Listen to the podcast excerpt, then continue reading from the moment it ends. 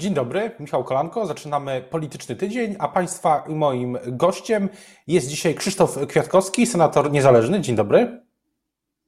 Dzień dobry, panie redaktorze. Witam serdecznie wszystkich, którzy nas oglądają. Dzisiaj w Rzeczpospolitej piszę o projekcie Prawa i Sprawiedliwości, który PiS nazywa mm, Polski Nowy Ład, powiązanym oczywiście z Krajowym Planem Odbudowy i z funduszami unijnymi. E, parlament jeszcze nie zajął się ratyfikacją tego funduszu odbudowy. Myśli pan, że, przez, że będzie to politycznie coś e, prostego, czy nie? Jeżeli będzie to polski nowy ład, to oczywiście będzie to proste, a jeżeli będzie to pisowski nowy ład, to oczywiście nic z tego nie będzie.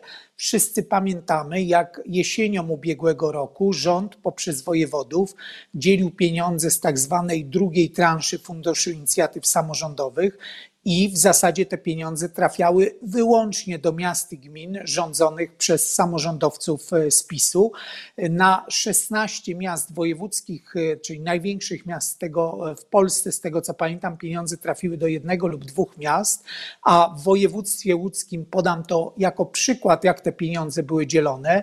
Najmniejsza gmina w województwie kilkutysięczna dostała pieniądze na kilka projektów, a 760-tysięczna Łódź nie dostała ani złotówki na żaden projekt. Dlatego, jeżeli będziemy mówić o Nowym Ładzie, to ten Nowy Ład mówi, musi obejmować sprawiedliwy podział pieniędzy, tych, które będą nadchodzić z e, funduszów europejskich, zarówno z nowej perspektywy budżetowej, jak i z Funduszu Odbudowy e, i Rozwoju. To muszą być decyzje podejmowane w sposób uczciwy, transparentny i trafiające wszędzie, gdzie mieszkają obywatele, a nie tylko tam, gdzie mieszkają w gminach rządzonych przez PiS. Czyli jeśli e, w jaki sposób opozycja chciałaby to zagwarantować? Bo opozycja kontroluje Senat, PiS kontroluje Sejm. I co tu się może wydarzyć legislacyjnie? Opozycja kontroluje Sejm i Senat w tej sprawie. Rząd nie ma większości do zatwierdzenia Funduszu Odbudowy i Rozwoju. Mamy jednoznaczne deklaracje przedstawicieli jednego z koalicjantów Zjednoczonej Prawicy, czyli Solidarnej Polski. I korzystając z tego, że dla dobra Polski w tej sprawie demokratyczna większość ma większość w e, obu izbach, a nie tylko w Senacie, bo to w Senacie mówimy właśnie o demokratycznej większości, uważam, że musimy musimy dla dobra Polski postawić e, warunek uczciwy, transparentny, czyli zatwierdzenie Funduszu Odbudowy i Rozwoju w połączeniu z przyjęciem projektu ustawy o tak zwanej Agencji Spójności i Rozwoju, nad którą pracujemy już w Komisji Ustawodawczej, e, której pracami kieruję w Senacie. I co jest w tej ustawie? W tej ustawie jest zapis, że pieniądze europejskie są dzielone poprzez specjalną agencję, ale nie tworzymy ją po to, żeby tworzyć byty i tym bardziej dawać zatrudnienie kolejnym osobom, tylko po to, że w tej agencji decyzje będą podejmowane większością głosów, ale z władzy agencji tworzą w równowadze równa ilość przedstawicieli rządu, jak i samorządu. Co to w praktyce oznacza? Że pieniądze będą trafiać kryteriami merytorycznymi, a nie kryteriami politycznymi. Współpodejmować decyzje będą ci, którzy się cieszą największym zaufaniem obywateli, czyli przedstawiciele naszych wójtów, burmistrzów, prezydentów, włodarzy naszych małych, lokalnych ojczyzn. A kiedy ta ustawa może wyjść y, z Senatu? To jest, y, jest już jakiś termin, kiedy Senat może ją przyjąć? Ja jestem już w trakcie mm, prac z legislatorami. Tutaj e, ogromną rolę e, odegrał pan senator e, Kazimierz Ujazdowski, pomysłodawca mm, projektu. Dzisiaj jesteśmy na etapie prac z ekspertami, z legislatorami.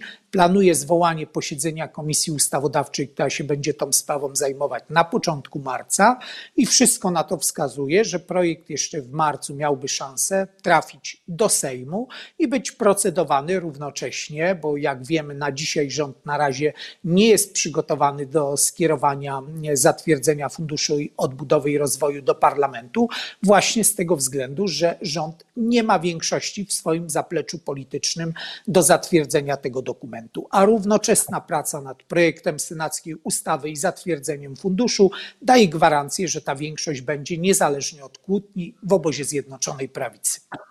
Co do samego Senatu, to pamiętam wszystkie historie, było ich bardzo wiele w mediach od jeszcze kilka miesięcy temu, kilkanaście. W zasadzie co, co, co, co kilka dni pojawiały się historie, że PiS kusi senatorów, że PiS chce przejąć Senat, a minęło kilka miesięcy i to PiS nie ma spójności nawet we własnym klubie w, Sejm, w Senacie, a opozycja się zmobilizowała i odrzuciła kandydaturę pana ministra Wawrzyka. Co się zmieniło przez te powiedzmy pół roku mm, od chwili, um, umownie te kilka miesięcy, co się zmieniło w samym Senacie? A czy ja, będąc w samym Senacie, widzę i zmiany, i pewne stałe elementy. Pewnym stałym elementem jest rzeczywiście wspólna praca tak zwanej demokratycznej większości. Mija prawie półtora roku Senatu tej kadencji. W żadnym, podkreślam, w żadnym e, głosowaniu opozycja demokratyczna w Senacie nie przegrała głosowania. I oczywiście to są takie wybory jak te, które zwracają polityczną uwagę jak e, ostatnia decyzja w sprawie Rzecznika Praw Obywatelskich, czy także na ostatnim posiedzeniu Senatu niezwykle ważny projekt ustawy, tak zwanej specustawy odszkodowawczej, w związku z tym, że mm, e, rząd zamyka, jak twierdzą już e, sądy administracyjne, nielegalnie ludziom legalnie prowadzony biznes, bo bez podstawy ustawowej przygotowaliśmy projekt ustawy odszkodowawczej i tu dla odmiany ten projekt ustawy pokazuje, jakie są zmiany w drugiej części Senatu, czyli w PiSie. Ten projekt uzyskał także, także głosy w klubie Prawa i Sprawiedliwości i to nie jest wyjątek, a w zasadzie już zasada, bo na ostatnim posiedzeniu Senatu, na przykład w sprawie ustawy o służbie zagranicznej, skandalicznej, takiej, która umożliwia żegnanie doświadczonych urzędników, a nominacji osoby bez żadnego doświadczenia. Ja już pomijam tak e, zaskakujące pomysły, jak na przykład e, brak e, z możliwość zatrudniania osób bez braku znajomości języków, języków obcych. W przypadku tej ustawy senatorowie Solidarnej Polski głosowali inaczej niż chciał rząd. W przypadku innej bardzo ważnej kwestii uchwały w sprawie wolności mediów i pomyślę na nowy podatek dla wszystkich mediów w Polsce, niezależnie już od tych podatków, które płacą, mówię oczywiście także o polskich redakcjach, tu senatorowie e, porozumienia Jarosława Gowina głosowali inaczej niż klub PiSu, a tak jak mówiłem, w przypadku specustawy odszkodowawczej, którą przygotowałem, senator Jackowski, senator Łyczek, akurat w tym wypadku senatorowie nie ze strony koalicjantów, ale zgłaszani na listę przez PiS głosowali inaczej. O czym to świadczy? O tym, że w zasadzie możemy mówić, że klub Zjednoczonej Prawicy w Senacie zjednoczony już jest tylko z nazwy i w zasadzie zasadzie w żadnym istotnym głosowaniu nie odlicza się cały klub senatorów PiSu w całości. A czy myśli pan, że to wszystko też y, wskazuje na kierunek, że mogą być przyspieszone wybory przed tym terminem w 2023 roku? Panie doktorze, tego nie wiem. Trudno mi oczywiście to e, oceniać, e, bo przecież o tym, że nie ma wspólnoty e, programowej w obecnym zapleczu rządu, to już widzimy od dawna. Ja tutaj byłbym nieuczciwy, gdybym potępiał w czambu całą Zjednoczoną Prawicę, bo nigdy nie zapomnę na przykład wyjazdu wicepremiera Jarosława Gowina, który w kluczowym momencie, gdzie w obozie Zjednoczonej Prawicy tu w kraju dominował pogląd, że musimy zawetować projekt e, budżetu, nowej perspektywy budżetowej Unii Europejskiej i ten instrument, który się nazywa Fundusz Odbudowy i Rozwoju, to wicepremier Gowin pojechał do Brukseli w praktyce, e, odblokował te rozmowy i umożliwił przyjęcie tego scenariusza, że polski rząd jednak nie zawetował naprawdę dobrego projektu budżetu, który gwarantuje nam ogromne środki nie tylko na e, rozbudowę Polski, ale także na gospodarczą odbudowę po pandemii. Mówię o tym, żeby podkreślić, że obóz Zjednoczonej Prawicy jest podzielony. Są tam takie skrzydła, z którymi opozycja na pewno kompletnie się nie zgadza, no ale są takie decyzje niektórych koalicjantów i tu podałem ten przykład chyba najistotniejszy z punktu widzenia nas wszystkich, obywateli, szans rozwoju dla nas na, i przyszłych pokoleń na wiele lat naprzód, gdzie byłbym nieuczciwy, gdybym nie powiedział, że doceniam e, ten sposób działania i zachowania e, Jarosława Gowina. A czy, myślę, już wyciągając wniosek, że rzeczywiście te podziały będą się tylko pogłębiać, ale to tylko wróżka wie, kiedy one doprowadzić mogą do tego, że obóz Zjednoczonej Prawicy nie będzie pękał, tylko się po prostu rozpadnie. Jeszcze co do, co do roli Senatu, to zastanawiam się, na ile też na przykład y, y, będą liczyć się przez, czy liczą, liczą się i będą się liczyć y, przez najbliższe lata mm, pomysły ze strony obywateli. Na przykład Pana komisja, jak rozumiem, pracuje teraz nad projektem ustawy czy pomysłem, który przyniosła niejako do Senatu Agrounia i Michał Kołodziejczak dotycząca KRUS i e, przekazywania gospodarstwa przed odejściem e, na, na emeryturę. Na ile to jest też teraz w Senacie ważny, ważny wątek i dlaczego też się Pan zdecydował mm, to, to, pracować nad tą ustawą czy nad tym pomysłem?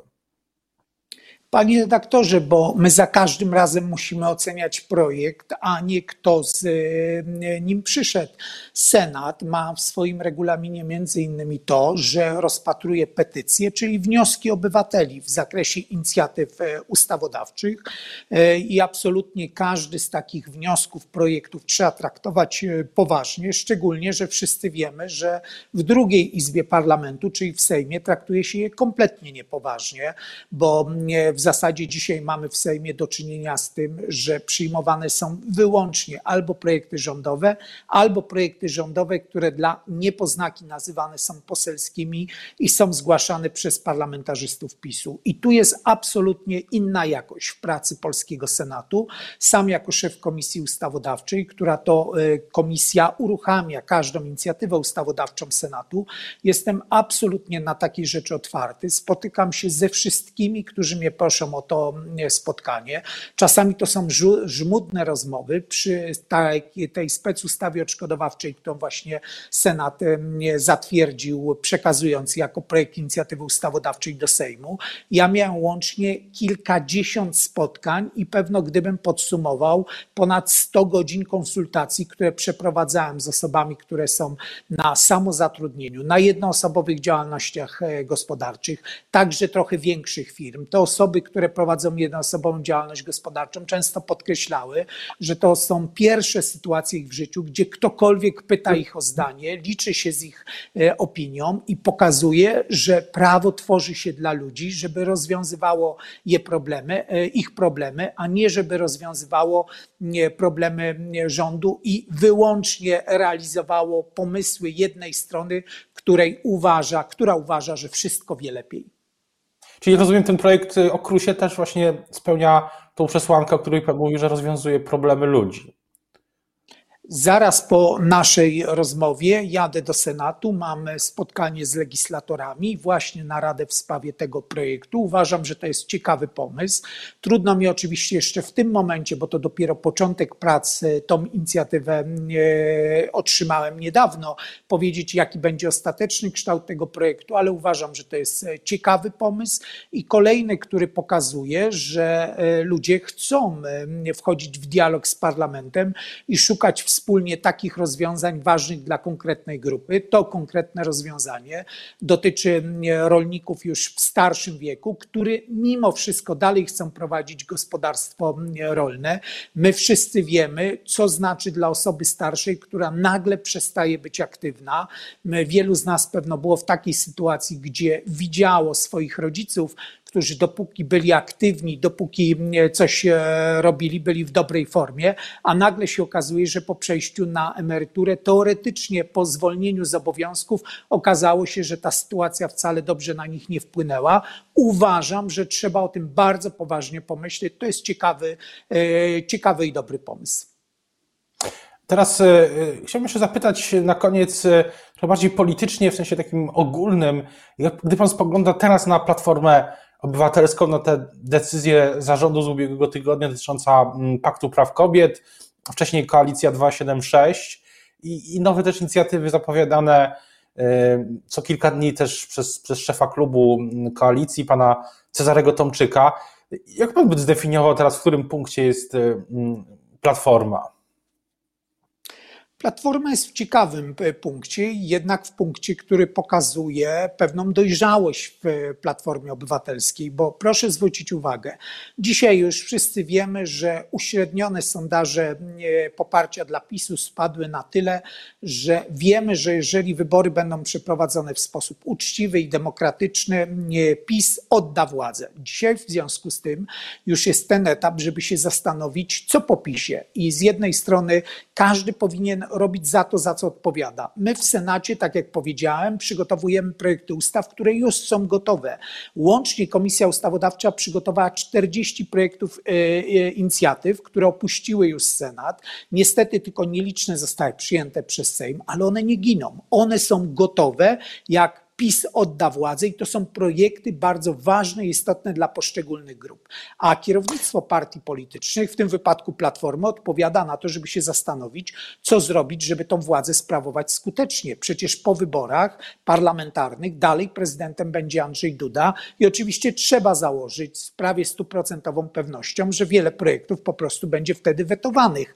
Dlatego ten cel polityczny, koalicja 276, koalicja, która będzie ma, miała możliwość odrzucania weta prezydenckiego w stosunku do dobrych i potrzebnych inicjatyw, to jest rzeczywiście uważam, że cel politycznie słusznie postawiony, dobrze postawiona diagnoza i wypada tylko trzymać kciuki, żeby udało się go zrealizować. O tym, e, co będzie dalej, co będzie dalej w polskiej polityce, w Senacie i w opozycji, o tym na pewno będziemy jeszcze mówić i do tego wracać. Teraz bardzo już dziękuję za rozmowę. Państwa i moim gościem był senator niezależny Krzysztof Kwiatkowski. Dziękuję bardzo. Dziękuję Państwu serdecznie.